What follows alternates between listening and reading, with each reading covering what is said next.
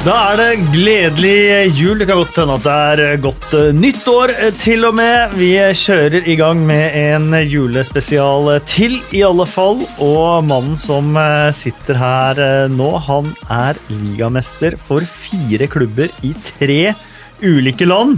Han har spilt i Bundesliga, han har spilt i Premier League, han har spilt VM. Han har scora fra 100 meter på Hampton Park. Han har blitt kåra til årets spiller i Chelsea. Erland Johnsen. Ja, takk for det. Det er en ære å være her. Ja, Det er en veldig stor ære å ha deg her. En av min eh, oppvekst eh, favorittspillere. Eh, det fikk aldri du vært, Endre Olav Osnes, men du skal være min sidekick den neste timen. Det skal jeg. Jeg skal kun bare være en, en hjelperytter. Skal... Du er en av mine favorittpersoner, det skal du ha. Jo, takk, takk skal du ha. Men jeg, jeg, kjenner jo godt til Erland, ja, så det er jo en kjøttspiller, uh, minnes jeg, uh, som jeg virkelig uh, egentlig bare har, har, sett på TV, så jeg kunne jo ikke la den muligheten her gå, gå fra meg. Å sitte i samme, samme, rom som han er jo litt skrekkblandet fryd og en meget stor ære. Vi skulle jo hatt Simen Stavse Møller her også, Erland, men han ligger hjemme og, og spyr, og det kanskje av frykt for at du skulle sitte her? Det er jo mulig at han ble litt nervøs eh, når, når det nærma seg.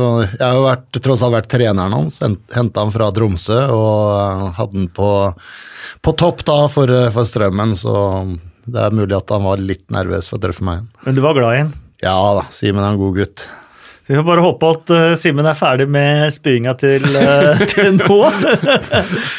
Erlend Johnsens karriere den strakk seg fra han ble seriemester med Moss under Nils Arne Eggen, til han eh, fortsatte til Bayern München, til Chelsea, hvor han var i åtte sesonger. Rosenborg, Strømsgodset. Eh, på landslaget spilte VM i 1994. Vi skal selvfølgelig ha hovedfokus på Chelsea-karrieren din, i og med at dette er en Premier League-karriere podkast, men vi kan jo starte så smått, for jeg husker den 87-sesongen utrolig godt. Eh, det endte jo opp med å bli avgjort i siste ligarunde mot, uh, mot uh, Molde. Ja, det er vel som Åge sier, det sureste tapet han har hatt noen ganger. Åge Hareide trener for Molde, og også spiller. fineste seieren jeg har hatt, faktisk. Jeg har vunnet en del, men det med å vinne for en klubb der du har vokst opp det å ha utrolig tur borte mot Molde. Eh, vi mener jo fortsatt eh, at det var vel fortjent. Vi leda serien hele sesongen. Så ble det vel litt nerver og litt skade på slutten, så det, det var en virkelig en nervepirrende thriller på i, i, Molde den siste matchen foran 16 000 tilskuere, var det vel? Og Det var jo ditt første ordentlige stikk mot uh, Jostein uh, Flo. Den ligger ute på iTunes, podkasten med Jostein Flo, mest fra Sheffield United. Tiden, tiden, der, og Vi har også en ute med Bobby Madley. så Det er bare å gå inn på, på iTunes og, og, finne de når du har hørt denne. Men Jostein Flo snakker jo litt da om den kampen på, eh, på Molde stadion hvor de tapte ligagull til dere. og dere, du, det kommer vi tilbake til, du sendte jo også Jostein Flo ned fra Premier League litt seinere i en ja. lignende duell på Stamford Bridge. ja, vi møtte jo Ja, det kan vi komme tilbake til, men uh, Jostein var helt forferdelig å spille mot. Uh, i hvert fall i lufta. Klart Langs bakken så var det ikke så store problemer. for det, Jeg sa at uh, forskjellen på Jostein når han jogga og spurta, det var at når han spurta, så bet han seg med tenna. så, så, det var liksom ikke det store temposkiftet. Han var fantastisk i lufta. og uh, det var jo en kar på 1,98 vel, som hoppet 2,10 i høyde. Og nå, med min 1,85 jeg har vel ikke akkurat satt noe uh, kretsmesterrekord i høyde, så, så, ble det tøft. Måtte ta ham på en annen måte. Men en fair spiller. Men 87-sesongen, en spesiell sesong på mange måter. Det var da Thomas Ganke hadde straffekonk for uh, uavgjort. Det var altså to poeng for å vinne på straffer. Ett poeng for uh, Ja, hvis, hvis, det ble uavgjort, så hadde du ett poeng hver. Og hvis du vant straffekonken, så fikk du et ekstrapoeng, altså to. litt, altså det er Ikke litt sånn, sånn som det er i hockeyen mm. i dag, faktisk. Uh, det ble bare med den ene sesongen på det, og du fikk også din landslagsdebut på Meløs, stemmer det? Ja, det var på OL-landslaget mot Tyrkia. Ja. Så da gjaldt uh, OL-landskampene som offisiell A-landskamp. Det er litt spesielt. Det er Ja, ikke mange er- Paul Scholes, debuterte for England på Trafford, faktisk, men det er ikke veldig mange av de som, eh, som får gjøre det på egen hjemmebane. Nei, det er sant. Eh, Det var en fin match. Det var vel eh, bra med tilskuere òg, så på et godt eh, OL-landslag. Da du vokste opp, eh, vi er vel eh, Eller du er jo en liten generasjon eldre enn eh, meg, men eh, de på vår alder de har pleid å være opptatt av engelsk fotball når de vokste opp. Var det sånn for deg òg? Nei, det var mest Moss fotballklubb. Eh, store idolet mitt var jo Einar Aas, som jeg var heldig å spille sammen med da i 86-87. Så jeg satt eh, Alle som har vært på Melløs, vet at det alltid er kaldt der, og at vi aldri har på oss nok klær. Så der har jeg sittet og fryst mye. Og så kom jo den interessen for eh, ja, engelske klubber etter hvert litt snikende. da, og Det var jo noen fotballkort som skulle deles, og så begynte tippekampene å bli interessante. Så det, det kom etter hvert. Hadde du noe favorittlag? Det tør jeg ikke å si eh, offisielt hvilket lag det er, men de har fått en norsk manager. Og jeg angrer fortsatt. Ja, Det er spennende dager. Det, nå, Når dere hører podkasten, så vet dere selvfølgelig hvordan starten til Ole Gunnar Solskjær har vært også. Når vi sitter her nå, så er denne spilt inn eh, to dager før hans debut borte mot eh, Cardiff, så vi aner faktisk eh, ingenting. Eh, Men fra Moss til Bayern eh, München eh, hvis det, hvis det skulle skjedd i dag, Endre Olav Jeg, jeg, jeg har jo vært på Meløs og spilt faktisk en del med Kjelsås. Det var jo i, i andredivisjon. Så det er liksom Det var et høydepunkt, det å komme til, til Meløs, for det var jo sånn eh, 600-700 tilskuere der. Hadde faktisk en, en ganske god kamp der, faktisk. Jeg hadde en meget Nå må bare høre kjapt, fordi jeg spilte kamp klokka fire.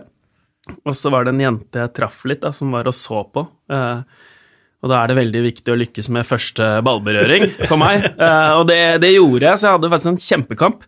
Eh, det endte 1-1. Og så var kampen da ferdig klokka seks. Og så kjørte jeg til Rygge, for da var det ferie. Og så var jeg faktisk i Barcelona eh, og traff noen venner før midnatt. Så jeg er meget godt fornøyd med den logistikken. Så det vil prøve å si at du har nesten gått samme reisen. eh, Erland gikk. Erland gikk Moss München, du dro Moss Barcelona. Ja, til Moss eh, Barcelona og var veldig godt fornøyd med det, så jeg skjønner at det ikke er noe stress. Nei, men, eh, men jeg skjønner jo noe har skjedd da, eh, siden, siden sist, fordi Moss er tydeligvis ikke det det en gang var. Nei, Men det, hvordan skjedde det at du ble Bayern München-spiller? Ja, det, det er vel en litt lengre historie. Ja, vi hadde jo en uh, trener i 85 som het Jan Olsson, som begynte å jobbe da litt for meg uh, med å kontakte klubber. Uh, så jeg var en tur i FK Göteborg. Så en tur i Schalke. Eh, begge stedene fikk jeg kontrakt. I FK Göteborg så sa jeg at jeg måtte gjøre ferdig skolen. I Schalke ble ikke klubbene Moss og Schalke enige. Og så skulle jeg ha en uh, uke prøvetrening med, med Bayern München. Og det gikk, jeg syns ikke det gikk noe særlig. Vi kom rett fra treningsleir i Bulgaria, hadde spilt et par tøffe matcher der. Og det var jo å bli satt rett opp én mot én med Lota Matheus og de beste spillerne. For det var Jopp Henkes som var trener, han ville virkelig se om jeg kunne forsvare. Eh, hadde en bra hodestyrke den gangen, så jeg husker at det, det var ikke noe problem. Uh, og så kom vi på fredag, så ble jeg kalt inn til Ole Hønes, og så tenkte jeg at ja, nå blir det sånn Det var hyggelig å ha deg her. uh, vi ringer deg, ikke ringer Nei, Så sa han at vi kunne godt tenkt å inngått en avtale med deg. Og da var det sånn, da ble jeg litt sånn halvsvimmel, tror jeg. For jeg hadde jo ikke forventa det i det hele tatt. Eh, og så sier geskjeftfyreren til München at eh, forhandlingene med Moss var noen av de tøffeste han hadde Det var såpass, ja. Og da har han liksom vært med Akkurat solgt eh, Luta Matheus og Andy Breme til Inter, Milan. Så da tenkte jeg tøffe ledere i Moss. Ja, sa nei til Schalke og Ja. til nød Ja, ok ja, til ok. Bayern til slutt. Men du ble ligamester her. Ja, ble ligamester ja, to år. Jeg hadde jo bare en og en halv sesong der eh, under Heinkes. uh, og ble seriemester begge Spilte nok kamper til å bli seriemester der begge, begge sesongene. Hva, de, hva, hva, hva så de i deg? Fordi jeg er på en måte vokst opp med den illusjonen av at du, du er en uh, granittblokk og, og kjøttspiller da, som aldri la noe imellom. og Ja, alt, Men hva er ja. styrker og svakheter litt? Det er et godt spørsmål. Jeg var jo ganske stor, men jeg jeg har alltid jobba mye med én mot én. Altså raske vendinger, rask første timeterne. Ikke bli dratt. Da har jeg alltid tenkt på meg sjøl som en forsvarsspiller. Eh, og eh, derfor eh, fokuserte jeg på hver trening når jeg også spilte i Moss mot veldig gode eldre spillere, så skulle jeg ikke bli dratt forbi, skulle forsvare det målet og ofre meg. Og det gjorde jeg i det én mot én, to mot to-situasjonen i Bayern. Samtidig så tror jeg de var ute etter en uh, hodesterk spiller, for vi skulle ut i Europacupen hvor vi bl.a. møtte Hearts og uh, Glasgow Rangers. Eh, jeg tror ikke det var ferdig trukket, men de måtte ha noe annet enn det de hadde. da. Og da var det jo klassisk manndekker, som det het på tysk. da, altså du måtte markere igjen. Du fikk nummer ni på spillemøtet Henkes, og hvis han skårte, så var det din skyld.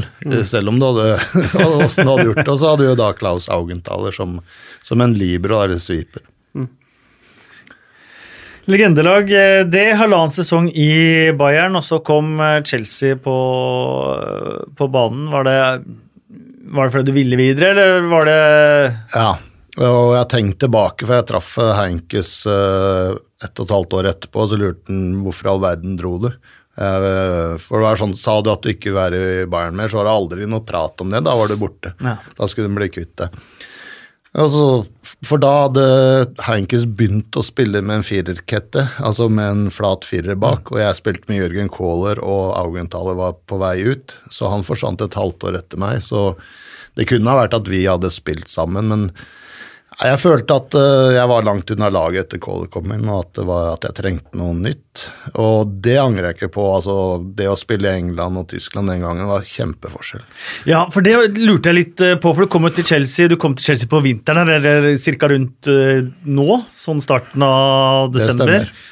Um, og så har du spilt Du har spilt mot litt sånn kanskje Kanskje er myte òg, litt sånn teknisk eh, raske spillere. Eh, Litt barsk Klinsmann Klinsmann, alle de gutta der. Mm. Og så kommer du og skal møte Les Ferdinand, Alan Shearer og Duncan Ferguson og sånn, og du starter vel borte mot QPR. Ja, Les og- Ferdinand og Colin Clark og gutta. Ja, ja. Og det gikk vel så, så der. Ja, det kan du godt si. Og den uh, historien har fortalt uh, ganske ofte at uh, spesielt med Glasgow Rangers og Hearts, da spilte jeg veldig bra. Og hedda jo bort den ballen uansett hvor han kom på banen. Og ble banens beste faktisk også. og Jeg skårte mot Hearts, så vi kom videre til neste runde. Og så kommer debuten min, hvor jeg har vært rågod på trening i eh, Chelsea. Og tenkte ja, da går det bra i kampo. Jeg vant jo ikke én hudduell mot Les Ferdinand. Når jeg tenkte på at nå må jeg gå opp i luftduellen, da hang han der oppe, da. Så det var sånn Oi, nå er jeg kanskje litt seint, men hvor kom han fra? Så er det Jeg var så dårlig i den kampen her. Og da Ble du bytta ut i pause òg? Nei, jeg tror jeg ble bytta ut Ja, det er mulig, det har vel du på statistikken din. Jeg var vel fortjent å bli bytta ut etter 20, i hvert fall. Men det, en annen ting jeg lærte, var jo at det er kjempeforskjell mellom trening og kamper i, i England. Og de hadde jo tatt litt med ro på treninga, mens jeg hadde jo vært i 100 for å vise meg fram. Så det var en eh, lære, det var god læring i, i det. Og det var på Loftus eh, Road, men den sesongen der, så eh, til tross for en da litt uheldig debut, eh, så kom du inn i det. Det er merkelig mange nordmenn har jo, har jo hatt en litt uheldig debut, og så fortsatt med store, store karrierer i, i England. Verst var vel Erik Thorstvedt. Eh, så glapp den fra, fra Nigel Clough, men det gikk jo bra, det òg. Ja, eh, Glenn Hoddle sa en gang at det, er, eh, det, det viser liksom kvaliteten på spillerne hvis de gjør feil også i en kamp og, og, og eh, glemmer den feilen fort og går på på nye oppgaver og, og eh, blir bedre og bedre. Og det kan være tøft noen ganger også for unge spillere at du får den smellen og, og eh, går og grubler over den. Men det er jo som Erik gjorde òg, bare legge det bak seg og se fra. Heldigvis så kommer kampene tett som hagl i England. Men var du tilbake igjen på laget i neste kamp etter debuten? Det vet jeg ikke, faktisk. Det, det tror jeg, for jeg spilte Etter jeg kom, så spilte jeg vel 25 kamper på rad, tror jeg, for jeg spilte bare halve sesongen. Så jeg mener at om det ikke var neste, så var det i hvert fall ganske Ja, du står med mye starter Ja. den, eh, Ja. den sesongen var der. Um, men, men det tok litt, litt tid, ser jeg nå, før du kom tilbake. For du kom tilbake da mot Crew Alexandra i, i tredje runde i FA-cupen. FA. Ja. var din eh, neste kamp eh, uavgjort hjemme, bare, før dere vant, vant borte. Borte, ja. ja. Nei, cupkampene var tøffe, da. Det var jo eh, lag fra lavere divisjoner som ville vise seg fram. Så Men uh, FA-cupen da hadde jo selvfølgelig også en helt annen status enn det den har i, i dag. ja. Uh, du har jo spilt med Chelsea tre ganger på Wembley. Ja, det stemmer. Eh, Det var én semifinale som gikk der. En Mot- semifinale. Mot Luton. en FA-cupfinale Ja. og en finale i Zenit Data Systems Cup. Og det var jo første året, og det var jo ja, det var liksom den tredjeranka cupen. Men Chelsea-fansen var jo så sultefòra på De hadde jo akkurat rykka opp året før, og det var jo 6 eller 88 000 på Wembley, så Det var det. hva cupen het for noe, egentlig, det var bare kjempegøy å være her. Det var eh, for de som er litt yngre enn eh, yngre enn oss, da. Så var engelske lag uh, utestengt fra Europacup. Uh, så for å ha nok cuper, så hadde man jo FA-cupen og ligacupen sånn som i dag. Men da måtte man lage en tredje cup, som egentlig var ganske nøyaktig det samme, som eh, het Zenit Data Systems eh, Cup. Eller det var sponsoren, da. Det het jo egentlig Full Members, eh, Members Cup. Men mange har glemt den, men den gikk jo noen eh, sesonger. Jeg kan fortelle, jeg sto og skulle kommentere ligacupfinale på Wembley eh, for et tre-fire-fem sesonger siden. Og da står man på indrebane og så leverer man en rapport foran eh, kamera. altså Noen ganger så står det noen fotballpersonligheter ved siden av, så kan man spørre da eventuelt sånn Hei, har du, kunne du bare vært med meg på TV i to minutter? Og der står arrangerer, da. Så jeg tenker, jeg spør. To minutter, bare en quick eh, standup, går det greit? Ja, litt sånn gryntende kommer han, liksom. Og så tar det, det Det føles så lenge når du står der og så venter på å få vær så god i, i øret, og du hører at de prater i studio, og du ser at gjesten din blir litt sånn utålmodig, og, og så ser han på meg og sier ja, jeg har spilt to finaler her, jeg, jeg tapte begge.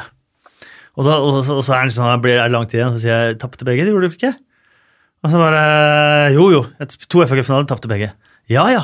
Men du vant Zenit Data Systems Cup her med sånn Vant i finalen 4-1! Og da lyste opp! Det han glemt! Så da var alt så eh, fryd og gammen igjen mellom Alan Shearer og meg. Da kunne han vente litt før vi kom på lufta. Det er mulig jeg foregriper begivenhetenes gang her, men jeg måtte jo lese meg opp litt eh, på veien hit, da. Eh, på, jeg måtte jo lese meg litt opp her, Erland. Ja. Og den Wikipedia-profilen din den er sterk. Der står det at i 1994 pådro han seg tidenes raskeste gule kort i en FA Cup-finale, da han etter 27 sekunder taklet Ryan Giggs i knehøyde. Ja, Ryan Giggs fløy vel?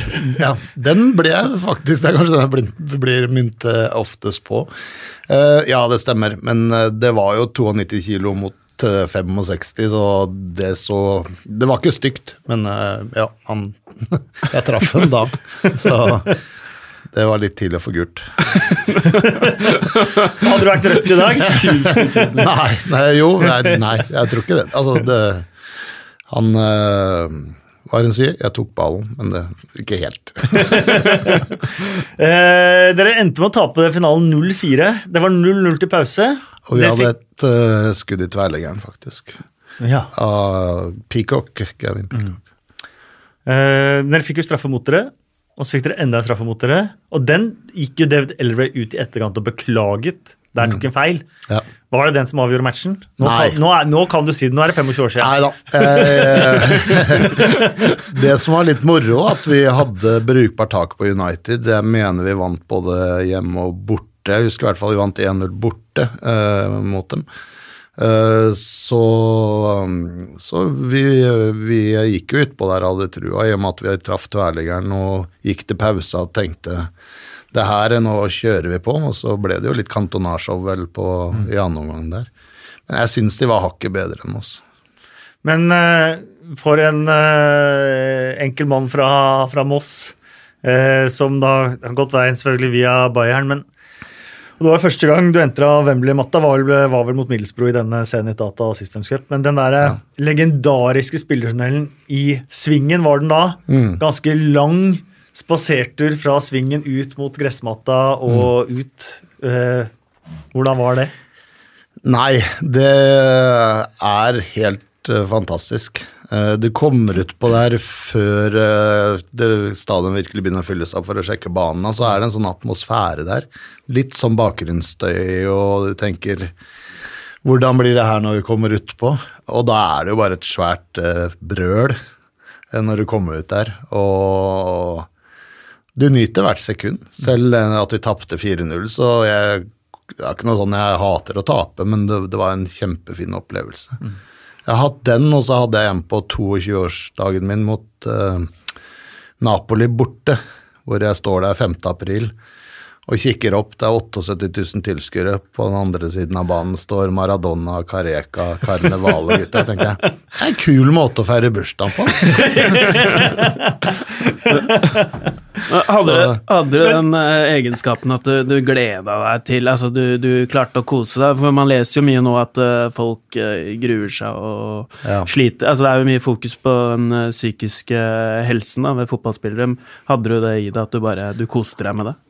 Ja, det gjorde jeg. Eh, Det var ut med brystkassa. Det her må du bare nyte. Og så er det den spenningen som du har, som vi alle har hatt, eller har fortsatt, at du, du er litt spent, og så må du bruke den som positiv energi, da. Eh, Det er jeg ikke like flink til nå lenger. Jeg har vært på kvaliker med et gutt i 16-lag hvor det er 17 stykker på tribunen. Jeg bare nå, nå er jeg ordentlig nervøs. Nå er dere sånn plagsomt nervøs, og hvis vi ikke vinner den kampen, så går vi ikke til EM. Men det er 17 tilskuere på Ja. tribunen.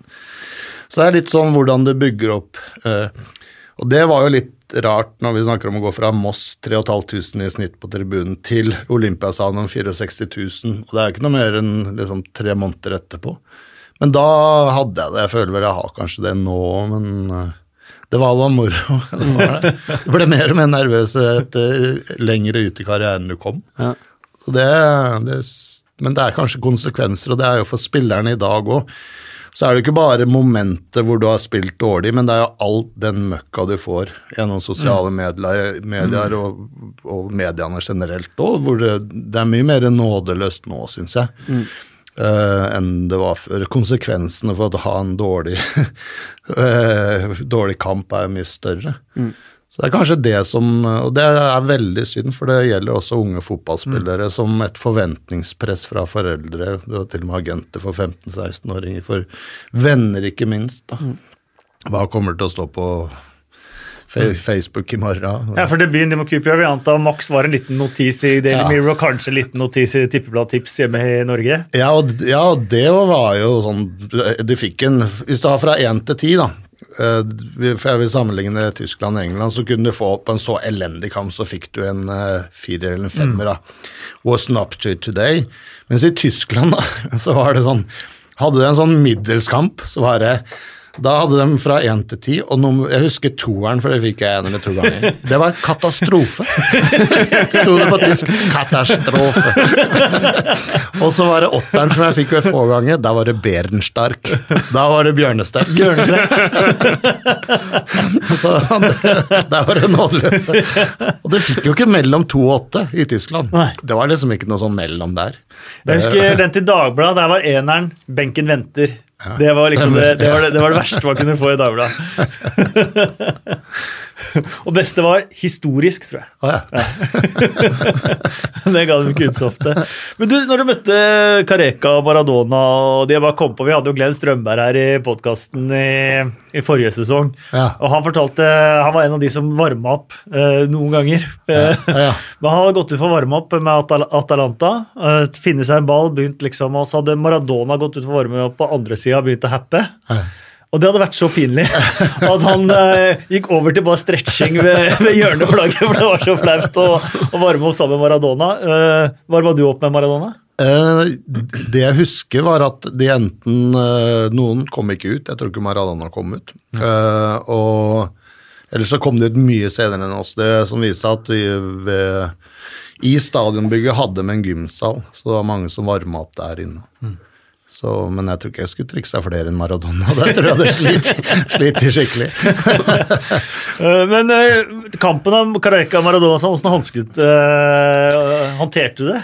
Nei, det var moro. Igjen mye mann mot mann da, på Kareka. Han hadde jo en enorm fart, så da fant jeg ut at jeg måtte holde litt mer avstand enn å starte på likt, for da, da ble det gærent. Det ble tap på 2-0 uten at jeg husker det var en corner hvor jeg glapp vel litt på markeringa på fire meter, og Aumann i mål han kom ikke til å røre seg, så jeg fikk selvfølgelig skylda for den. Så han tyskeren som jeg sa, det var greit om jeg hadde fått litt uh, hjelp her. Uh, men Maradona la opp til to, da. Han var usynlig resten av kampen, men han, han, han, det. Det. han slo den ene corneren, så hadde han vel en stikker på Kareka. Husker, husker du børskarakteren der, eller? Nei, det, men det var, det var, ikke katastrofe den gangen. Nei, jeg havna jo på ja, Kasper satte meg opp på, på blind date med Glenn Strømberg eh, når jeg var eh, på Emirates ja, nå, nå ja. sist, så da fikk jeg freshet opp den historien. Og, og klimakset i den, det er jo da at eh, For Maradona ydmyket jo Glenn veldig på oppvarmingen der. Det var at eh, på børskarakteren på Maradona så, så sto det Lykkes vise glimtvis uh, sin storhet. Seks og en halv, da mens Glenn Strømberg fikk sju. så det er stort. Så det er, mulig. Det er mulig. Ja. Glenn Strømberg er uh, legende. Vi var jo egentlig på Wembley-rekka her. Uh, fordi at uh, Chelsea kom jo til finale i FA-cupen i 1997 også, mot uh, Middlesbrough igjen. Men ja. da var ikke du på laget? Nei, det var vel Det var vel Eller det var vel uh, En av grunnene til at jeg ga meg der. Uh, det var litt ut og inn den sesongen der. Vi hadde jo Rudd Gullit, som jeg hadde spilt stopper sammen en periode uh, året før. Det var jo akkurat som å spille stopper sammen med Glenn Hodden. Mm. Jeg løp og kjempa og sloss, og når jeg fikk ballen, så ga jeg den til han ved siden av meg. For de var jo Begge to var fantastisk gode fotballspillere. Men vi hadde jo fått inn, vi hadde vel fått inn LeBuff, uh, og så var Steve Clark. Så vi spilte jo semifinalen sammen mm. på Highbury mot Wimbledon.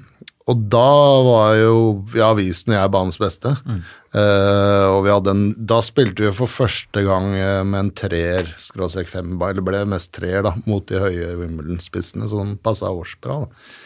Uh, så det som er, da i, den gangen på cupfinalen så var det vel to eller tre reserver, bare. Mm. Så jeg var jo ikke på benken engang, ikke sant? etter å ha spilt en bra semifinale. Og så er det sånn Hvor skal jeg gjøre av meg da? Nei, Erland, det vet vi ikke. Men vi skal se om vi finner noen billetter til den. Så det er en sann historie. Jeg satt da helt over øverst på Wembley på de plassene du ikke får solgt pga. at det er en søyle foran, eller at du faktisk må ha kikkert for å se banen. Og der ser jeg da lagkameratene etter matchen feire det som bare det, da. Med folk som egentlig nesten ikke var rundt laget rundt laget i det hele tatt. Så det, det, var, det var trist opplevelse. Da var jeg glad at jeg skulle hjem til Norge. Var det en av de største nedturene i karrieren din? Ja, faktisk. Mm. Det var det. Hvordan fikk du beskjedene? Beskjed om å ikke spille. Mm -hmm. Nei, det var jo ikke noe Nå må du jo nesten gå til psykolog, eller sende spilleren til psykologen og få beskjed om at du ikke skal spille. Det var ikke noen sånne lange samtaler der. Jeg tror bare Ruud Gullit satte opp uh, laget. Han var en dårlig manager sånn, det må jeg si. Jeg sånn Man-to-man-manager. Han, han, han, tok ikke de tøffe samtalene. Det gjorde han ikke. Så det var uh, egentlig Det er laget, det er uh, de på benken. Og så skal vi se om vi får ordna noen billetter til dere, til dere andre. Alan Sherry fortalte vel det om Ruud eh, Gullit nå ganske nylig, for der skal det jo så helt Da Sherry ble satt på benken til dette, denne matchen mot Sunderland, ja. dette derbyet. Det ble jo slutten på Gullit òg. Ja. Eh, men da var det en annen også som ble, ble vraka fra lag, men nå har jeg helt jernteppe. Men da sa Alan Shearer at nå går jeg opp på kontoret og nå knuser jeg døra til Ruud Gullit. Nå, nå, gidder jeg ikke mer. Nei. Og da han kom opp dit for å gjøre det, så var døra allerede knust. da var Gullit ferdig. Han hadde en, en, fin måte å presentere seg på i, i Newcastle der, da når de lurte på hva slags fotball han skulle spille. Han skulle spille sexy fotball. ja, ja var det, det, var jo også i, i, i Chelsea. Hva, hva var sexy fotball? Nei, han uh, var fan av uh, den hollandske måten å spille på, Cruyff-måten. Han ville jo spille mye langs bakken. Uh, fikk jo inn vi hadde noen gode spisser, og hadde Sola og Viali var jo der. Marcus var vel der. Men uh, utfordringa til så gode spillere, det må jeg si at det var faktisk det samme med Hodl, som han fikk litt kritikk for når han hadde landslag òg. Det at de forventer faktisk at vi er på samme nivå som dem. De snakker om Europas beste fotballspillere. Og så er det nesten sånn du føler på spillersamtalen at ja, kan du ikke det engang? altså, det her er basic for deg, ja. Jeg har jo trent med begge, altså like gode på begge bein. Ruud Gullit hadde aldri trent med en vekt. Jeg tok rennafart og løp i ryggen på den for å ta ballen. Han rørte seg ikke. Det var sånn utrolig balanse og kraft, og han kom inn i vektrommet når Grodås og jeg holdt på der, og så bare ler han og sa You crazy Norwegians. Ja, for Det har slått meg mange ganger, faktisk, at uh, managere eh, i, og trenere både i hockey, fotball og sånn, og de som har vært aller, aller best, hvordan de egentlig nesten mest går rundt og bare irriterer seg av at de spillerne de ikke har, ikke er like gode som de var. Ja, og det er en kjempeutfordring, og jeg må si det er akkurat det samme på et helt annet nivå når jeg kom hjem og skulle trene Follo og trene Strømmen og trene, trene Lillestrøm. Så må du ta deg i det, for det er så urettferdig. Du har vært på et helt annet nivå. Det, det, og de gjør så godt de kan, det gjorde jo vi òg. Men eh, ja, det, det, det tror jeg skjer en del med de unge managerne nå. Vi var på vei egentlig til uh, denne FA Cup-finalen i 1997, så du da dessverre ble vraket til, men du hadde jo hjulpet bra til på veien. BB mot uh, Wimbledon og en slags skal vi si, matchvinner mot Leicester. Ja, ja, den, ja. Den ble jeg ikke minnet på. Det var noen som lurte på om jeg noen gang kom til å ta ferie i Leicester, men det var sånn Nei. For der kom Leicester til Stamford Bridge uh, med utgangspunkt om uavgjort ekstraomganger, kanskje straffer. Uh, de skulle i hvert fall ikke slippe inn mål. Nei, stemmer det. Det Ja. gjorde du noe med. Ja, jeg kom jo innpå, jeg. Uh, og av en eller annen grunn så skulle jeg gå på et raid. Uh, få ballen, uh, gå forbi et par. Uh, like overraska. så, så er det vel at jeg slår opp på Vialli som legger en hvor jeg får tak i den, og så drar jeg forbi stopperen til Lester Leicester. Og det ser ut som han skal stikke ut beinet. Der er helt sant. Og refle i refleks så drar jeg midt tilbake og faller som en potetsekk. Og skal jeg begynne å løpe hjemover igjen, og da får vi jo straffe.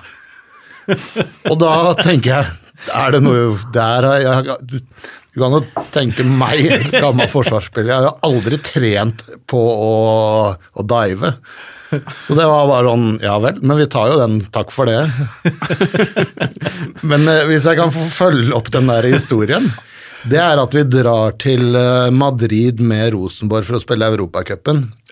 Vi lander samtidig med Leicester-supporterne som skal spille mot Atletico Madrid. Vi skal mot Real Madrid.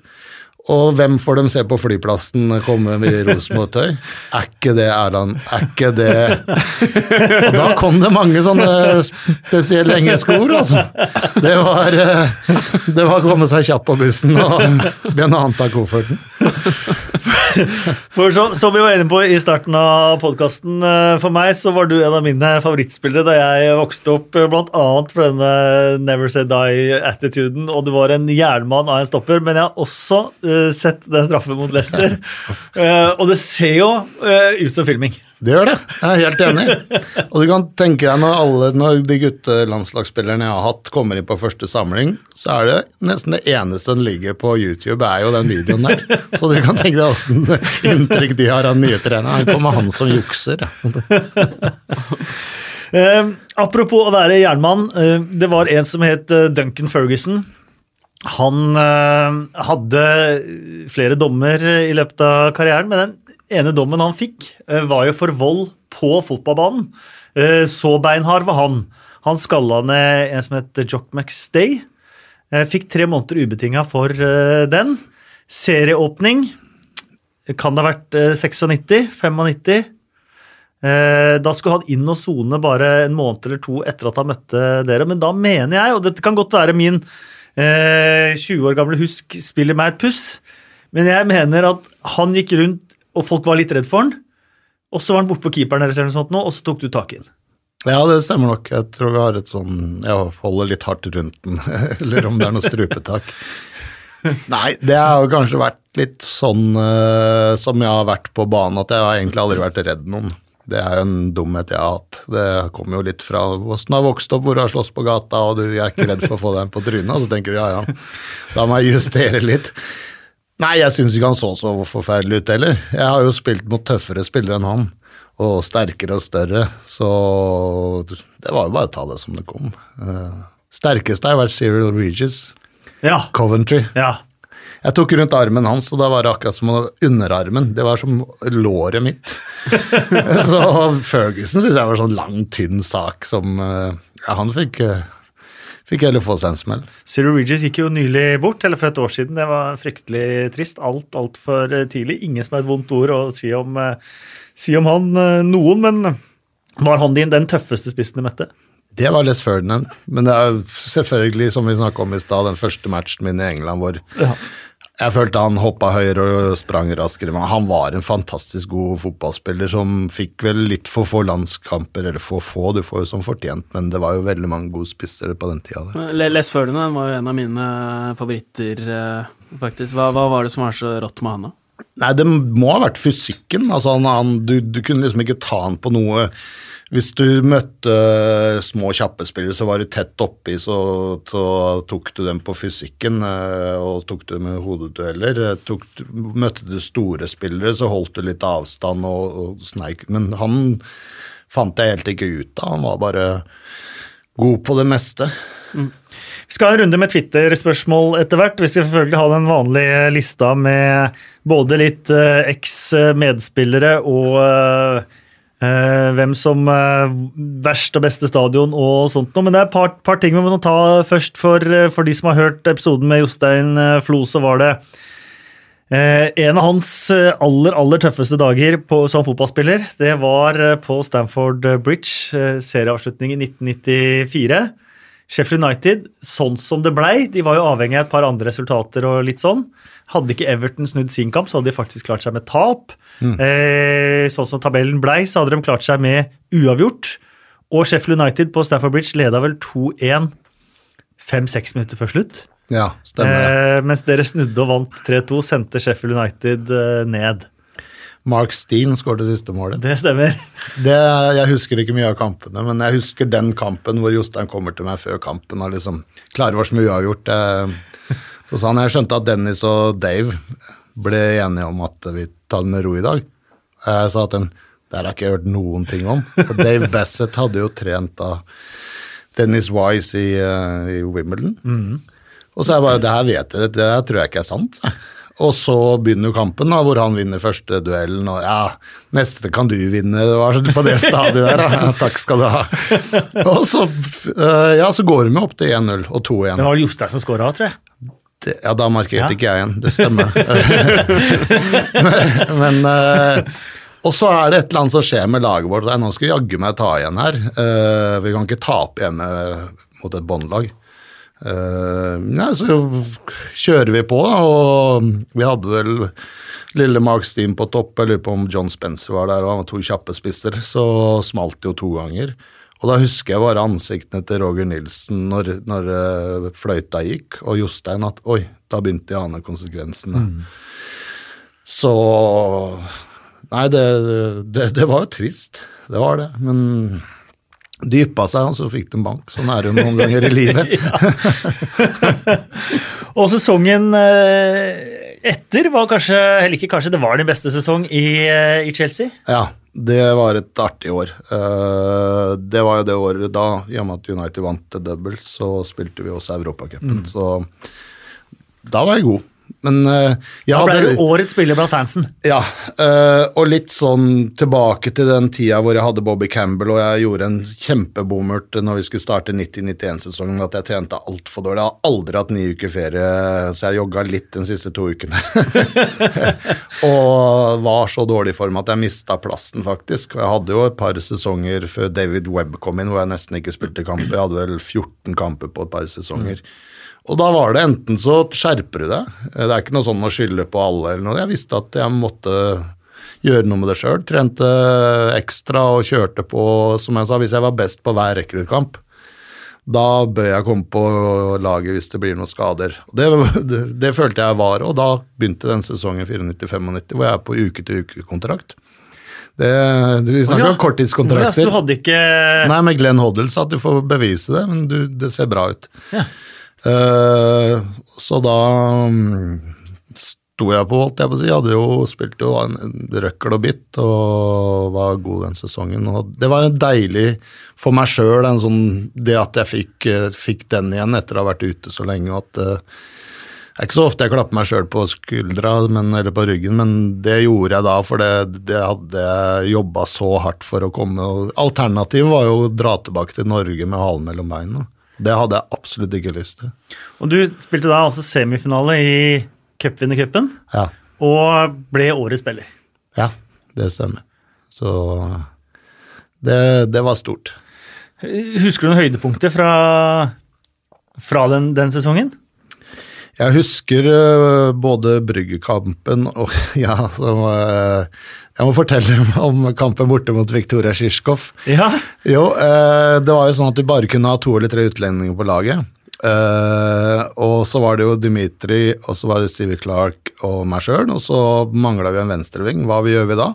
Jo, da tar vi uh, treneren til juniorlaget, som aldri har trena med oss, men som har spilt uh, wing før. Jo, Graham Ricks starter på ytre venstre. Ja, 39 år.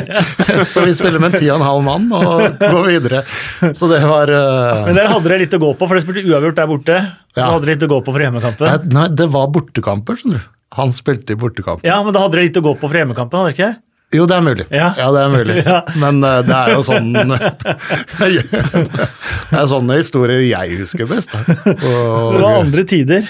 Ja. Så var det Brygge, hvor vi har en brukbar match bort og vinner 1-0 hjemme. Og så var det Real Saragossa, for da mener jeg at Gus Poyet spilte. Mm. Ja, Og ble matchvinner, tror jeg. Og det, det var et bra lag. Men dere tapte da 3-0 borte mot Saragossa. Ja. Og så når man ser 3-1 hjemme, men det var 1-1 der, og 3-1 kom seint. Mm. Følte dere at dere hadde muligheten til å For dere måtte jo ha to, enda to til der, da, pga. bortemåls... Ja, nei, det tror jeg ikke vi følte. Eh, vi gjorde vel ikke det, selv om vi hadde bra trøkk på dem. Så det var et bra lag. Du hadde én uh, scoring i eh, Chelsea. Ja. Eh, hjemme mot uh, Southampton. Corner fra Dennis Wise. Ja, stemmer. Bakerste stolpe. Hvis ikke jeg huska den, så hadde det vel vært en, hatt en utfordring med minnet. Nei, det var eh, Jeg vet ikke. Altså, jeg, som, som jeg innleda med, at jeg var en forsvarsspiller. Jeg likte å forsvare det målet, og jeg har jo stoppa en del Men er ikke det rart? Jeg vil anta at eh, corneret som du forsvarte eget mål, så staut til værs, ja. Eh, og du kunne heade den ballen nesten hvor du ville, ja. ut fra egen 16, eh, og vant de duellene, og så kommer du inn i motsatt 16 og så har du ikke de egenskapene. Klaus Lundekam litt det samme. Han skåra ja. aldri mål, han heller, nesten. Nei, du header jo mest opp da, når du skal klarere. Og det går jo ofte over når du er eh, for corner offensivt. Eh, og så trente jeg altfor lite på det. Jeg hadde jo et veldig bra skuddbein, men det òg brukte jeg jo ikke. Det var sånn nei, Dennis Dahl eller Jeg hadde jo i lederhosen med Copa Mundial og sånne tyske raggsokker, så ble jeg målt i 134 km i timen. Så jeg kunne jo brukt det på andre ting enn å skyte på radar. Eh, da tar vi en liten eh, avsporing der, gjør vi ikke det, Drola? For du brukte den én gang. Uh, Nesten ja. fra bak eget mål på Hampton Bar. Det gjorde jeg. Da, ja, den traff jeg bra på. Kunne jo gjort det litt oftere. Angrer du på det, eller? Ja, jeg gjør det. Uh, men ja, det var liksom noen andre som hadde den jobben. da. Uh, det var mye... CNN Play of the Day, den skåra ikke verden rundt. ja, det gjorde den. Den var morsom. Uh, jeg, jeg, var jo mye mer offensiv i, uh, i Bayern. Der fikk jeg beskjed om å gå fram, og jeg skåret vel et par mål, bl.a. det mot Hearts på en heading der hvor det var, egentlig var et uh, vanlig angrep, hvor jeg plutselig ender opp på åtte meter i en heading, og det, det gjør jo aldri i England. Eller, det, det var, jeg følte at det ikke var jobben min i England. Så jeg har kanskje ikke vært så opptatt av å skåre mål heller. Men jeg er imponert over uh, de stopperne nå som klarer begge deler. Det er sånn som David, nei, David Louise er et dårlig eksempel, for han kan ikke forsvare. Men han kan skåre mål. John Terry, ja. ja, ja han skåra mye. Han skåra 50 Premier League-mål. Sigurd Roste har vel fem mål i, i, Belgia nå. Det er ganske, det er ganske rått. Eh. Det er det. Jeg bare, når jeg ser sånne intervjuer med han og sånt, så han har liksom skåret et mål. Og så står han og blir intervjua, og så er han bare irritert over at han, han kunne hatt det til. Ja. det er jo en mentalitet. Det er ikke så ofte du hører fra stoppere heller. Nei, det er, en... Nei, det er sant. Mm. Um, åtte år i Chelsea, og du har jo spilt uh, sammen med noen uh, ordentlige gærninger. Ja. Alt fra Vinnie Jones til Dennis Weiss og Craig Burley. Jeg veit ikke om med deg selv. Eh, men uh, så er det jo alt, eller Det meste kommer på TV nå, men det gjorde du ikke da. Men jeg ser jo for meg at det har vært en og annen slåsskamp i spillertunnelen, f.eks. Ja, vi hadde vel Sheffield Wednesday uh, borte hvor det ble litt uh, Vi vant uh, i FA-cupen på overtid, husker jeg. Nei, på i ekstraomganger. Da smalt det vel litt. Eh, den beste slåsskampen hadde jeg med Carrie Dixon på treningsfeltet i London. Lagkamerat. Da var det to tungvektere som dølja sammen. Og vi hadde liksom eh, tre-fire på hver eh, vår rygg, og jeg var så forbanna på Carrie. Han var legenden i Chelsea, det blåste jo jeg, og så satt han ved siden av meg i garderoben. og eh, han lånte alltid børsten min, han var jo blakk som en kirkerotte.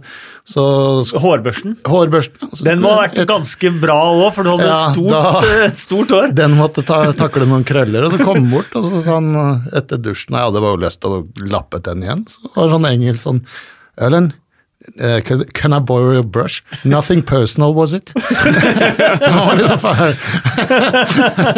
For da var det greit. Da kunne, nei, altså, det var jo ikke det. Jeg hadde jo så vondt i kjeven at jeg Og han blødde fra nesa. Altså. Ja, For dere fikk inn noen ordentlige lengre på ja, hverandre, liksom? Ja, ja, han starta, for jeg trodde ikke han skulle Jeg takla han. Jeg, jeg tror jeg hadde følelsen at jeg ble satt ut av laget, så jeg måtte hevne det på noen.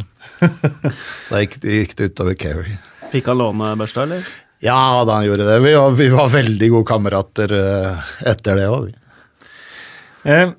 Eh, men den i Sheffield Wednesday, var, det var den verste slåsskampen i Ja, spilletiden? det var vel den eneste jeg kan huske. Og så Åssen åssen Er det én melding, og så plutselig bare ja, det var, eh, det var noen meldinger, og så hørte jeg bare at det gikk løs bak der. Så snur jo vi, da. og Da var jo Jeg og Mark Bright spilte på Han hadde alltid krangling med han klora i øyer, og han Jeg stempla på foten, og det var sånn Det var noen du ville ta, da, som vi ja, som ikke var så sympatiske. Så, men det var ikke vi som starta det, det var et eller annet som skjedde.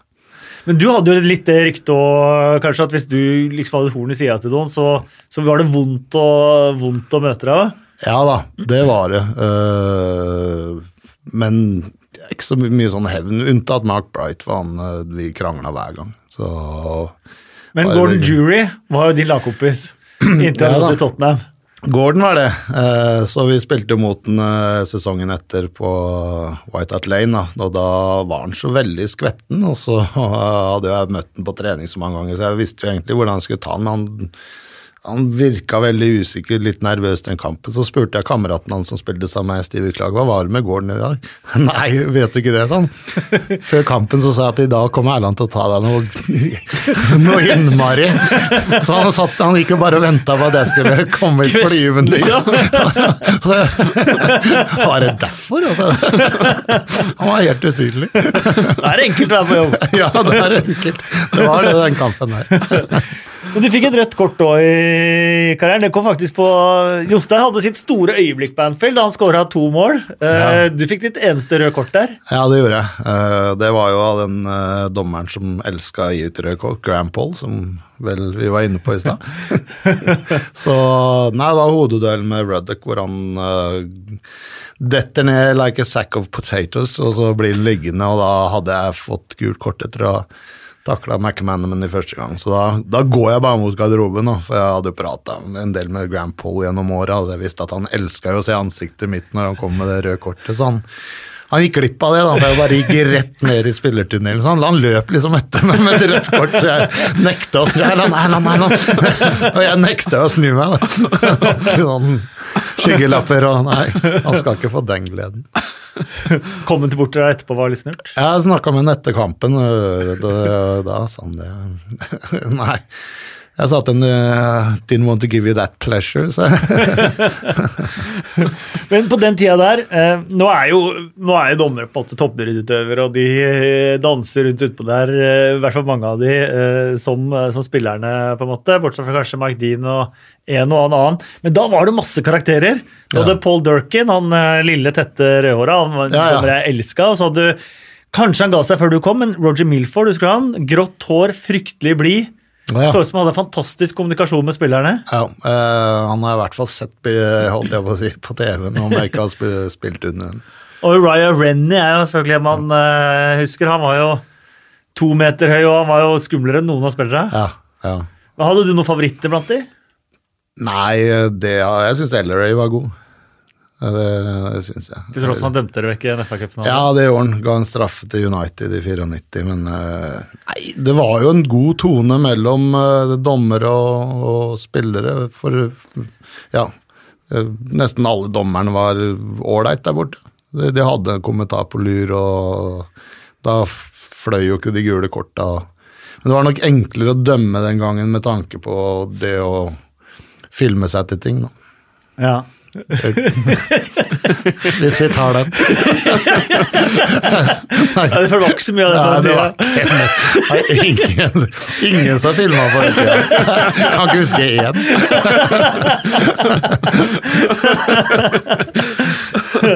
Eh, apropos gærninger du, du spilte sammen. Du spilte sammen med noen eh, legender òg.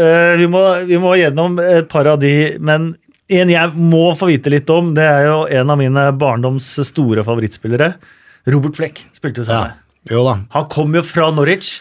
Ja. Rekordsignering Chelsea. 2,3 millioner pund tror jeg det var på den tida der. Enorme penger. Ja. Stort tap for Norwich, selvfølgelig, som fikk erstattet han med en Mark Robins. Så det var ikke en dårlig deal. Men ja. jeg var jo fryktelig lei meg da Fleck forsvant. ja. Nei, vi ble gode kompiser. Eh, Det tok jo to måneder før jeg forsto et kløyva ord av det han sa. Skotsk og eh, Han tok jo ut tenna da, før trening og kamper, så han uh, hadde jo mangla fire, ja. fire, foran der. Og du kan tenke deg når du snakker skotsk og ikke har tenner, så blir det jo utrolig livlig og kul type. Så vi fant tonen med en gang. Det som skjedde, var jo at vi spilte vel mest rekruttkamper. Eh, Han spilte jo eh, vel en halv sesong før det begynte, og han sleit med å skåre mål. Ja. Ja, og det gjorde han faktisk på rekruttlaget òg. Og eh, bodde jo da eh, Hadde etablert seg på utsida av London i nærheten av meg, så jeg tror nok det ble noen pubturer på han, for han gikk vel opp ti kilo på, første, på et år, tror jeg. Så, men eh, han sto på på rekruttlaget òg, han. Han må være et sted han ble elsket av, vet du. ja, det, det tror jeg. Eh, men han var en av, de, en av oss som sang 'Please Release Me, Let Me Go' i, i, dusjen på, hos Chelsea. Ja, sang det, De som ville vekk, sang det. Ja, det var noen som gjorde det. det var noen. Slipp meg ut herfra, jeg er ute i en annen klubb. Han endte tilbake i Norwich etter hvert, og da var han ikke den han, eh, den gang var, eh, dessverre. Eh, Den sommeren, bare en uke eller to før han dro til Chelsea, så delte jeg faktisk ut årets spillertrofé til han. Okay. eh, Fra den norske Norwich-supporterklubben nede på Gamla Ullevi. Ja. Der de spilte treningskamp mot eh, Guys, tror jeg det var. Jaha. Ja. Eh, Han var, han var en veldig god spiller, og jeg husker jo han fra før han kom til Chelsea, hvor han bøtta inn mål fra alle vinkler. Glenn Hussein har fortsatt mareritt om Robert Fleck, Ja, tror jeg. det kan jeg tenke. Eh, og en annen selvfølgelig, som vi var så vidt inne på, Vinnie Jones. Uh, Ja. Vi kjenner jo ryktene hans mest utenfra. Nei, Nei. Ja. Vinnie var gæren. Altså For det første var Ja, han var det. For det første så elska han å trene, lå alltid foran, og han var profesjonell så det holdt. Men det var jo som vi kom fra hadde hatt juleparty. Dagen etter så kom han på trening, så dro han på seg sånne nylonstrømper, sånne nettingstrømper, da. Og trente med de. De hadde, rapp, de hadde rappa fra hun dama som han hadde vært med hjem, da. Så det var sånn eh, historie om han og en gang vi var på treningsleir i eh, i eh, Vancouver i Canada. og Da sto vi opp, og så traff jeg han hadde dagen fri. Så da sa jeg skal vi dra ut og fiske, hvis han var friluftsmenneske. Og så leide vi en sånn svær fiskebåt. Så dro vi ut sammen med Stevie Clark og, og tråla eh, laks, husker jeg. Så positiv type. Han er jo en som eh, gjør alt for deg som lagkamerat. Han gjør det. Det var sånn der, eh, For den tida du var, eh, var der borte, så var det var jo sånn storhetstiden for å tenne på olabuksene til hverandre og, og sånne ting. Var det mye av det, eller? Ja, vi, nei, ikke så mye inni garderobene som uh, diverse ting uh, som, det, som har vært i andre klubber. Men eh, vi gjemte bilen til Dennis Wise ut i en sånn kornåker, for han hadde en sånn liten, liten bil som var vanskelig å se. Altså, taket var under, så vi kjørte en sånn omvei. Og da var det bare sånn ingen som sa noe. Er- jeg veit det er deg, sant. Jeg, jeg tror det er Keri Dixon. Det er ikke meg, og så er det ingen som røper han. Så jeg tror det tok to dager da, før om det var bonden som fant den, eller om det var eh, noen som sprakk. Så det var sånne practical jokes. Ja, det, som kunne gå utover noen. Eh, Men jeg leste biografien til Mick Quinn, um, og han eh, spilte på lag med John Burridge. Og han mente at Vinnie Jones ikke var så hard guy og tough guy som, han, som liksom var imaget hans. da. Eh, og John Burridge eh, ydmyket ham på, på vektrommet, blant annet. Eh, var det mest image fra Vinnie Jones, eller eh, Det var det nok. Carrie Dixon knocka han jo ut. Knocka jo ned Vinnie Jones. ja, han òg? Eh, ja, I et selskap. Nei, det var jo det var vel uavgjort mellom Carrie og meg. Men jeg husker jo at Vinnie Jones kom på trening en gang hvor han eh, hadde ordentlig, eh, fått ordentlig juling. Da var det en eh, Alle skulle jo bråke med. Det er Ja. jo det, det som er litt synd for en sånn kjent kar, så kjent tøffing. Så da var det en liten spirit som spir, spirrevipp, som han sa i baren i går, som døtta, døtta, døtta til slutt. Så, så sa jeg liksom ok, da. da og så hadde det vært en kickbokser, da. Så han, oh, han hadde jo stått der og hadde, hadde ikke fått ut opp neven engang, før han andre hadde sparka han da, på hver side av hodet, sånn uten at han hadde reagert. Så han, det, han, var en, han er en snill kar, uh, Vinnie Jones, uh, men det er klart, som jeg sier, han øhm, han var en tøffing. Han er eneste som jeg kjenner som har skada motspilleren i tunnelen på vei ut. Og Det var Gavin Peacock, som da hadde gått fra Chelsea, som hadde spilt sammen med Vinnie Jones. eh, Nærmest blitt mobba ut av Chelsea, det var litt synd på Gavin. Så står han ved siden av Vinnie Jones i tunnelen, og så stempler Vinnie Jones med bakknotten i foten, så han, han brekker et ben, eller hva han gjør. Men han eh, han får da ikke starta kampen, faktisk, så det var han bytte før, eller om han gikk ut etter fem minutter. Så han kunne være tøff. Ja. Ehm, du spilte også da sammen med Gianfranco Sola, Gianluca Vialli, Roberto Di Matteo. Du var jo i den hele den italienske revolusjonen der.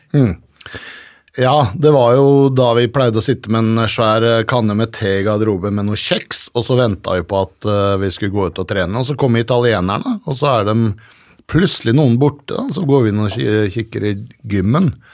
Der ligger de og tøyer en halvtime før trening. Det syns jo han var morsomt. da. Se på dem italienerne. De forbereder seg til trening. og så ble det litt sånn kanskje vi skulle gjøre det òg. Så eh, med dem og Hoddle så ble alt mye mer profesjonelt i Chelsea. Det ble det. Vi, eh, hadde, vi var i noen brakker, eh, som sagt, ute ved Heathrow der og drakk te. og Så var det som vi skulle kjøpe kjeks på rundgang, da. Som det tok før trening. Og det tok jo helt av, for da kom vi sånne Til slutt skulle den ene overgå den andre, så det ble sånne kremkaker, da. Et kvarter før trening, så du ble ordentlig god og møtt og hadde blod, blodsukkeret var på topp når treninga begynte. Da. Vi var veldig uprofesjonelle. Det var jo pre-match meal, altså maten før reservekampen. Det var beans on toast. Det var det, ja. Ja, det var sånne ja, røde bønner oppå Ja, ja. en toastskive. Det var det du fikk før, tre timer før kamp. Da. Vi var i hvert fall sultne, og vi gikk ut der. Eh, er det noen av de du har kontakt med i dag? Jeg hadde litt kontakt med Steve Clark. eh, og var besøkt Han gjør det veldig bra i Skottland nå. Ja, det har jeg ikke fått med meg.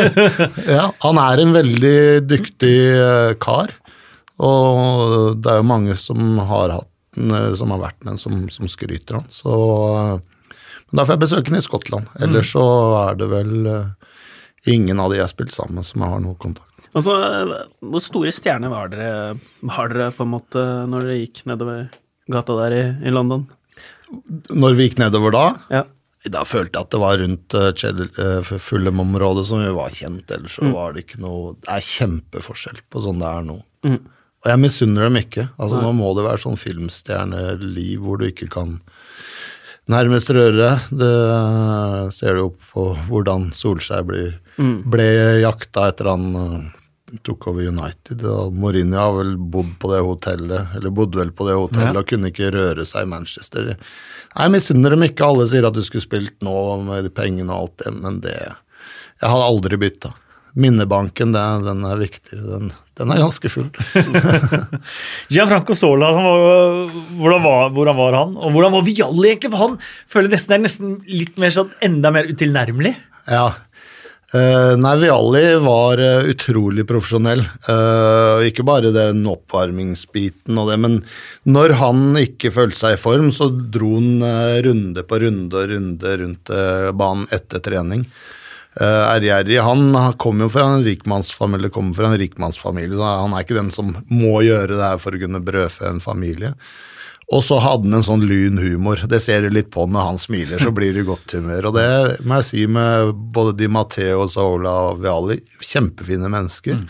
Tilførte en profesjonalitet i Chelsea som jeg absolutt ikke hadde. Og så var de kompetitive. altså De, de hata å tape på trening. Uh, og så var det kjempegøy for meg som forsvarsspiller da kunne bryne meg mot Sola, som kanskje er beste spilleren jeg har spilt mot. Han, eh, du trodde du hadde en feilvendt helt nede i hjørnet, og så er han plutselig rettvendt og begynner å finte. Og så hadde du Viali som hadde kraft, fysikk, og så hadde du Mark Hughes som mm. hadde litt av det samme samtidig. Dere to føler jeg var altså, veldig kompetitive hvis dere møttes i duell ja, på, på, trening, for vi, dere er ganske like. Ja, vi hadde veldig bra oppgjør også, også i kampen når han spilte for United, så ble vi gode kompiser når han kom til, til eh, Chelsea.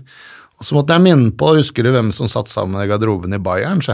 Ja. Når jeg var på prøvetrening, så ja, Det husker han selvfølgelig ikke, for da lurer jeg på om han var utenlands fra Juventus. Så, sa jeg, jeg satt faktisk sammen med deg for to år siden. Nei, tre-fire år siden. Så det går litt i sirkler. Mm.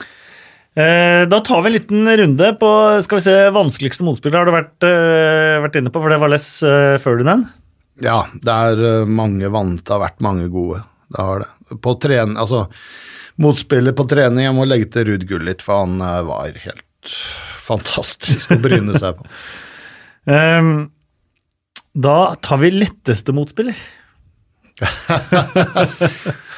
Nei. Var det jury i den uh, nevnte ja, Tottenham-kampen? Det, det, må ha vært Gordon Jury i den ene kampen der. Ja, jeg kunne sagt Jan Åge Fjørtoft. Uh, han har vel aldri slått meg, men uh, jo, jeg tar Jury og Fjørtoft. Beste medspiller? Det Oi. Det, det er nok Ruud Gullit, ja. galeste medspiller? Dennis Wise han er gal. Da må det følge en historie med. må dokumenteres. vi har jo sett han Jeg husker ja. den der dokumentaren med bussturen mm. til FA-cupfinalen da han spilte for Wimbledon. Og, ja. og sånn, Han slår meg som en sånn fyr. Ja da, det er eh, for det meste masse sånn uh, spilleopperi. Han uh, har jo ja, ADHD pluss. Altså, det er alltid noe som skjer. Men uh, Nei, det er vel det men Jeg skal ikke spille for mye på tøffhet, men jeg husker jeg takla han, og han skulle ta han som hadde takla han, og så kikka han opp, og så sa han Uh, Erlend, do you think I'm that crazy? han hadde ikke lyst til å slåss, da. Men jeg var jo tre vektklasser. Men så gæren var han ikke. Kom til det spørsmålet. Jeg bare skyter inn i den, i den der, Kasper. Ja. Det er Hadde du skjegg som 14-åring? Det sier alle historier. Nei, jeg var 15. 15. Så, ja. Sterkt. um, morsomste medspiller? Uh, ja, det Jeg kan igjen tilbake til Fjørtoft. Han er ganske morsom å sette i gang med historiene sine. Han og Mini i en sånn duett, det var vel kanskje det artigste jeg har, spilt sammen med, både på U21 og A-landslaget. Jeg ser en liste over managere du har, eh, du har, hatt, og det er jo ganske stort sprang egentlig fra Nils Arne Eggen til Ruud Gullit og, og, og, alt som har vært eh, imellom der. Mm. Eh, og, og, jeg vil jo tro også du har, du har sittet eh, foran en kamp og bare Det som står på tavla der, det skjønner jeg ikke helt. Ja. Uh det har vel eh, vært et par managere sånn, som man har lært etter hvert at ikke jeg skal bli sånn. Uh, ene er dessverre gått bort i en porterfill. Det var helt enkle møter hvor, på skotsk igjen, altså det var ikke så mye å feste seg ved der. Vi gikk ut og spilte, så det var vel han og Ruud Gullit som jeg ikke helt oppfatta budskapet til. Han prata mye, men du må ha en essens i det du sier. Og det syns jeg var mye tåkeprat. For egentlig spørsmålet var rareste taktikken fra manager, men du har ikke en, en sånn du husker som var Jo, det var vel, eh, uten å nevne navn, eh, når jeg var i Strømsgodset, hvor vi skulle starte i en tre bak for å forvirre motstanderen mot Stabæk, og så skulle vi plutselig legge om etter noen minutter, hvor eh, vi, og så skulle presse høyt over hele banen. Mot Alansinho og Martin Andresen, og vi var jo litt sånn underdogs. Det var vel 0-2 etter ti minutter. Og back to basic. Jeg syns faktisk tanken hørtes god ut. Siden det ikke gikk i praksis. I England, beste stadion. Uh, det er nok uh, tett race. Jeg syns Anfield var bra. Jeg synes, men jeg syns også Everton hadde den ekstra stemningen når det kom fra stemning på tribunen. og du, ja, Så eh, blir nok en av Liverpool-klubbene, de to. eh, Der er det bra trøkk. Fantastiske arenaer, da. Du merker at historien ligger i, Det gjør det. i, i den spillertunnelveggen. Ja, så var jo, for ikke å snakke om uh, når det var i, uh, i Napoli uh, San, pa San Paolo, er det? I Napoli, sier jeg. Eh, det er klart Du har mot kommentert 70 000 til italiensk, det er San Paolo det heter. Ja. Ja. San Paolo. Der var det vel den råeste atmosfæren jeg har vært borti. Sånn, uh, kjempestemning. Verste stadion? Nei, det er vel uh, Det må vel være Hvis du tenker i England, så var det den gamle stadion til Wimbledon, The Den. Ja. Nei, uh, Plow Lane. Plow Lane. Ja. Den var stusslig. Ja. Ja. Ellers så så jeg at du spilte i cupkamp på god gamle Underhill. Barnet òg. Oh, ja, ja. Eh, nå vet ikke jeg om du husker det, men den var jo kjent for at du spilte en omgang i oppoverbakke og en i nedoverbakke. Ja vel. At den helte. Det var noen meter forskjell på, Såpass. på måla der, faktisk. Men du husker ikke det? Nei, men jeg husker jeg spilte mot øh, Når vi snakker om baner, så husker jeg spilte mot uh, mot Gunnar Halle. Uh, Boundary Park, Uh, ja. hvis det var Oldham. Oldham, ja. Og så kommer vi utpå der, og så sier jeg til Gunnar Hva i all verden hva skal vi spille på her?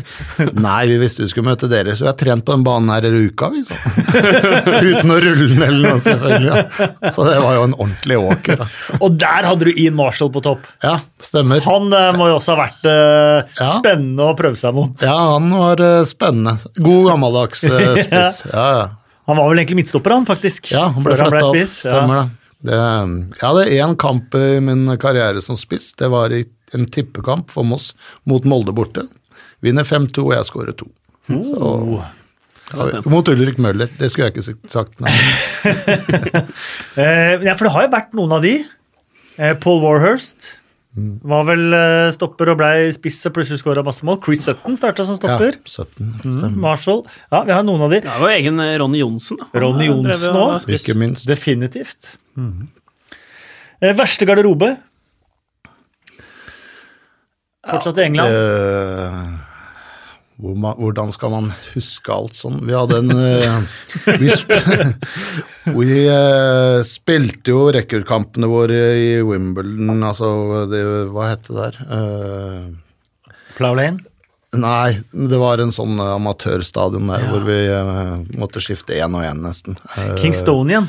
Kingstonian, ja. Oi, nå imponerer det. Der hadde vi noen sesonger. Det var mørkt og trist og det elendige garderober. Bra Players Lounge, da. Så Ja. det var litt ålreit etter kampene. Wimbledon, dagens Wimbledon spiller jo der, Oh, ja. nå på Kingstonian. Uh, så jeg har jo vært der.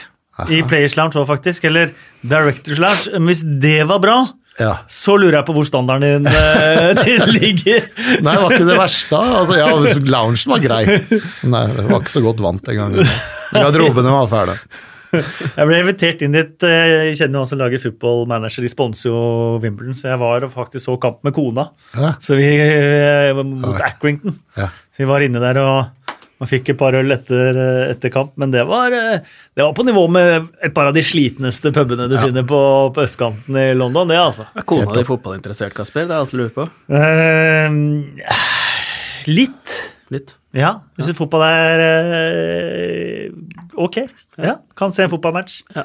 Eh, dra på toppserien. Dra litt på eliteserien. Ja. Ja. Såpass må, må det på en måte være hvis man skal fungere med deg. ja. Det må jo det. Ja, det må jo ikke det, men det er jo koselig at hun, eh, hun liker eh, fotball, i alle fall. Skal vi ta noen spørsmål fra, fra, fra Twitter, eh, Erland? Ja. Eh, vi kan jo begynne med den jeg fikk fra Jesper Mathisen. da. ja. Eh, jeg skulle hilse fra hønsehjernen, skrev han. ja, ja. Eh, hva var greia der? Nei, eh, det var vel diskusjon om påvirkning av dommere hvor det var et eller annet eh, at det, eh, Eller om det var eh, Nei, jeg, jeg, har, jeg, jeg fikk med en link fra Aftenposten her. Jeg lurer på om det var trenerkolleger. Erland Johnsen var i hard kritikk mot Start etter helgens kamp, og, den han gikk hardest ut mot i sin spalte på klubbens nettsider, var Jesper Mathisen. Jesper Mathisen er et klasseeksempel på dette. På Sør Arena løp han over hele banen for å provosere fram et rødt kort til Frode, Frode Bjørnevik. Og så bla, bla, bla. Men så langt klarer tydeligvis ikke disse hønsehjernene å tenke, skriver Johnsen. Jeg har hatt noen uh, runder med Jesper. Han har fått lov til å ta igjen med kritikk av landslagsuttak og alt sånt, men uh, har jo skværa opp. uh, Jesper husker jeg fra vi hadde ferie i Søgne og sammen med faren hans, eh, Svein. og da var han jo bare sju-åtte år gammel og, og snill og grein. og Jeg visste ikke at han skulle vokse seg så, så min. Men eh, nei da, jeg Men du, du gikk vel ut etterpå og sa at det var trener, treneren du snakka om, ikke, ikke han? Jeg-. Jeg mente at det var litt opp til treneren å oppdra spillere og ikke løpe så langt som Jesper gjorde for å påvirke, påvirke dommeren. Eh, Men det har jo blitt en, eh, en regel nå, det er jo ikke noe unntak der lenger. Det, det er en del av gamet. Ja, det er, det er, det er Sånn mener jeg det skal være. Altså, du skal kunne slåss på treningsfeltet, og så er det ikke noe, er det ikke noe mer. Trenger man ikke drive og være bitter. Og, og det er så tull med folk som drar det med seg videre. Det er i kampens hete, og det er, eh, det er lov. Definitivt. Eh, Tord Kakalakkiman på Twitter. Du er jo kjent som en eh, harding fra, fra Moss, men er det sant at du dro på Ramones-konsert i fullt seilerutstyr med skjerf i halsen, cardigan og full pakke? Det er jo sånn med gode historier, da. De eh, legges jo på eh, og blir verre og verre med årene. Jeg eh, blir invitert på konserten med Erik Thorsvedt. Hadde aldri hørt om Ramones, men tenkte at det er Men når vi drar Når vi parkerer bilen i Brixton for noen som har vært der eh, i London, så er det en av de røffere strøkene. Og jeg kom vel i litt lyse bukser. Og i helt vanlige sånne brune sko, men ikke noe annet enn vanlig jakke, da. Alle hadde svart på seg. Erik og kommer der, hva i all verden han drar på seg? Svart olabukse og svart skinnjakke, og står og, og, og, og rocker etter den. Og da følte jeg meg litt teit. Det, så det, han, eh, han har nok veldig rett i den historien der. Men det var Ja. Uh, Mathias Pinto uh, spør hvem var best av Sola og Gullit på treningsfeltet. Nei, der må jeg vel uh, si at de var like gode. Men de hadde helt forskjellige ferdigheter. Geir Isaksen han eh, spør om taklingen på Giggs eh, på Wembley FA Cup-finalen. Den har vi vært eh, innom, men han skriver en PS. Beklager for den runden med Tequila jeg kjøpte da jeg møtte deg på parketten etter VM i USA. Ingen av oss trengte den, for å si det sånn. Nei, det, det stemmer. Får hilsen tilbake og si at jeg, det, det var litt av en runde. Eh, Robin Libråten, minne, trener på fotballskolen i Follo. Pøsende regn. Erland kjører sklitaklingsstafett på en regntung gressmatte på Ski stadion. Det stemmer helt sikkert. Eh, vi, fit- vi ble jo tatt over av David Webb etter vi hadde hatt i en. Eh, vi drar ned i parken ved Themsen og har tilsvarende trening med A-lagsspillere, altså til Chelsea. Hele troppen var der. Vi skulle løpe opp den en Kjeile, sklitakle den og løpe tilbake. Så det er tro kopi av min gamle læremester. Han mente at vi ikke var tøffe nok, og det er vel den eneste gangen eh, hvor jeg har fått beskjed om å bli tøffere. Han hadde sett meg i et par rekruttkamper, så sa bare Johnson, you're gonna play for me, but I want you to put the foot in, your foot in. Jeg bare Hva? Jo, må, nå må du begynne å takle sånn. Han spilte jo på, 70, på Chelsea Ja. på 70-tallet og var tøff sjøl. Var det han som ble matchvinner for Sunderland mot Leeds? I I en portefølje, ja. Ja, det var det. Det var det. Ja. Ja. Det er en legendarisk eh, finale. Ja. Ja. Ehm, han stiller også spørsmål til Robin Librotten, i, i, i tillegg til dette her. da, eh, Hvem var den dårligste spilleren du har spilt mot i Premier League? Men det har du vel så vidt vært inne på. Vanskelig spørsmål. ja, nei, det syns jeg Det, det hopper vi over. ja. Um, på en skala, Det er mange som er opptatt av det her. da. Hagbart spør også på en skala fra 1 til Lee Bowyer, hvor mye overtenning var det egentlig du hadde i starten da du takla Ryan Giggs? Nei det, altså Hvis du ser taklingen, så er jeg for seint inn med å sette fram foten. Jeg er jo ikke nede på gulvet i det hele tatt. Det er jo ikke noe sånn Gassa-takling i cupfinalen. Så det er egentlig det at han eh, får ballen foran seg, og jeg tror jeg skal vinne ballen. Så det var ikke noe overtenning. Nei. Det var ikke det. Morten spør til slutt hvem løftet tyngst av deg og Frode Grodås i vektrommet hos Chelsea. Og da legger jeg inn Vinnie Jones også for, for egen regning. Frode tar vel dobbelt så mye som Eller tar like mye som Vinnie Jones som er til sammen. Han er et dyr. så der har ikke jeg kjangs i det hele tatt. Det vi skulle satt opp, var Frode Grodås da, og han eh, Adebayo Akinfenwa. Hvis dere har sett han, Ja, som spiller for Wickham. Han Å oh, ja. Ja, ja, han har jeg sett. Ja, Han har du sett, ja. Han, eh, han og broren hadde en eh, fryktelig morsom eh, konkurranse på, på benkpress. Hvor de starter med å løfte én Steven Gerrard. Fortsetter med å løfte én Yaya Toré, og så to Steven Gerrards.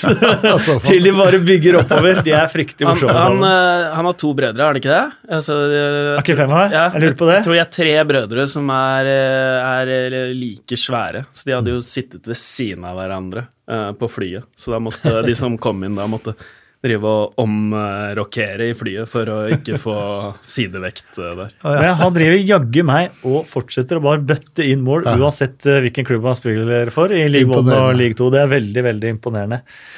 Erland, det har vært fantastisk hyggelig å ha deg her. Det har vært veldig hyggelig å fått eh, mimra litt. Eh, Man gjør ikke det så ofte, så det er jo artig å plutselig oppdage at man har vært med på litt.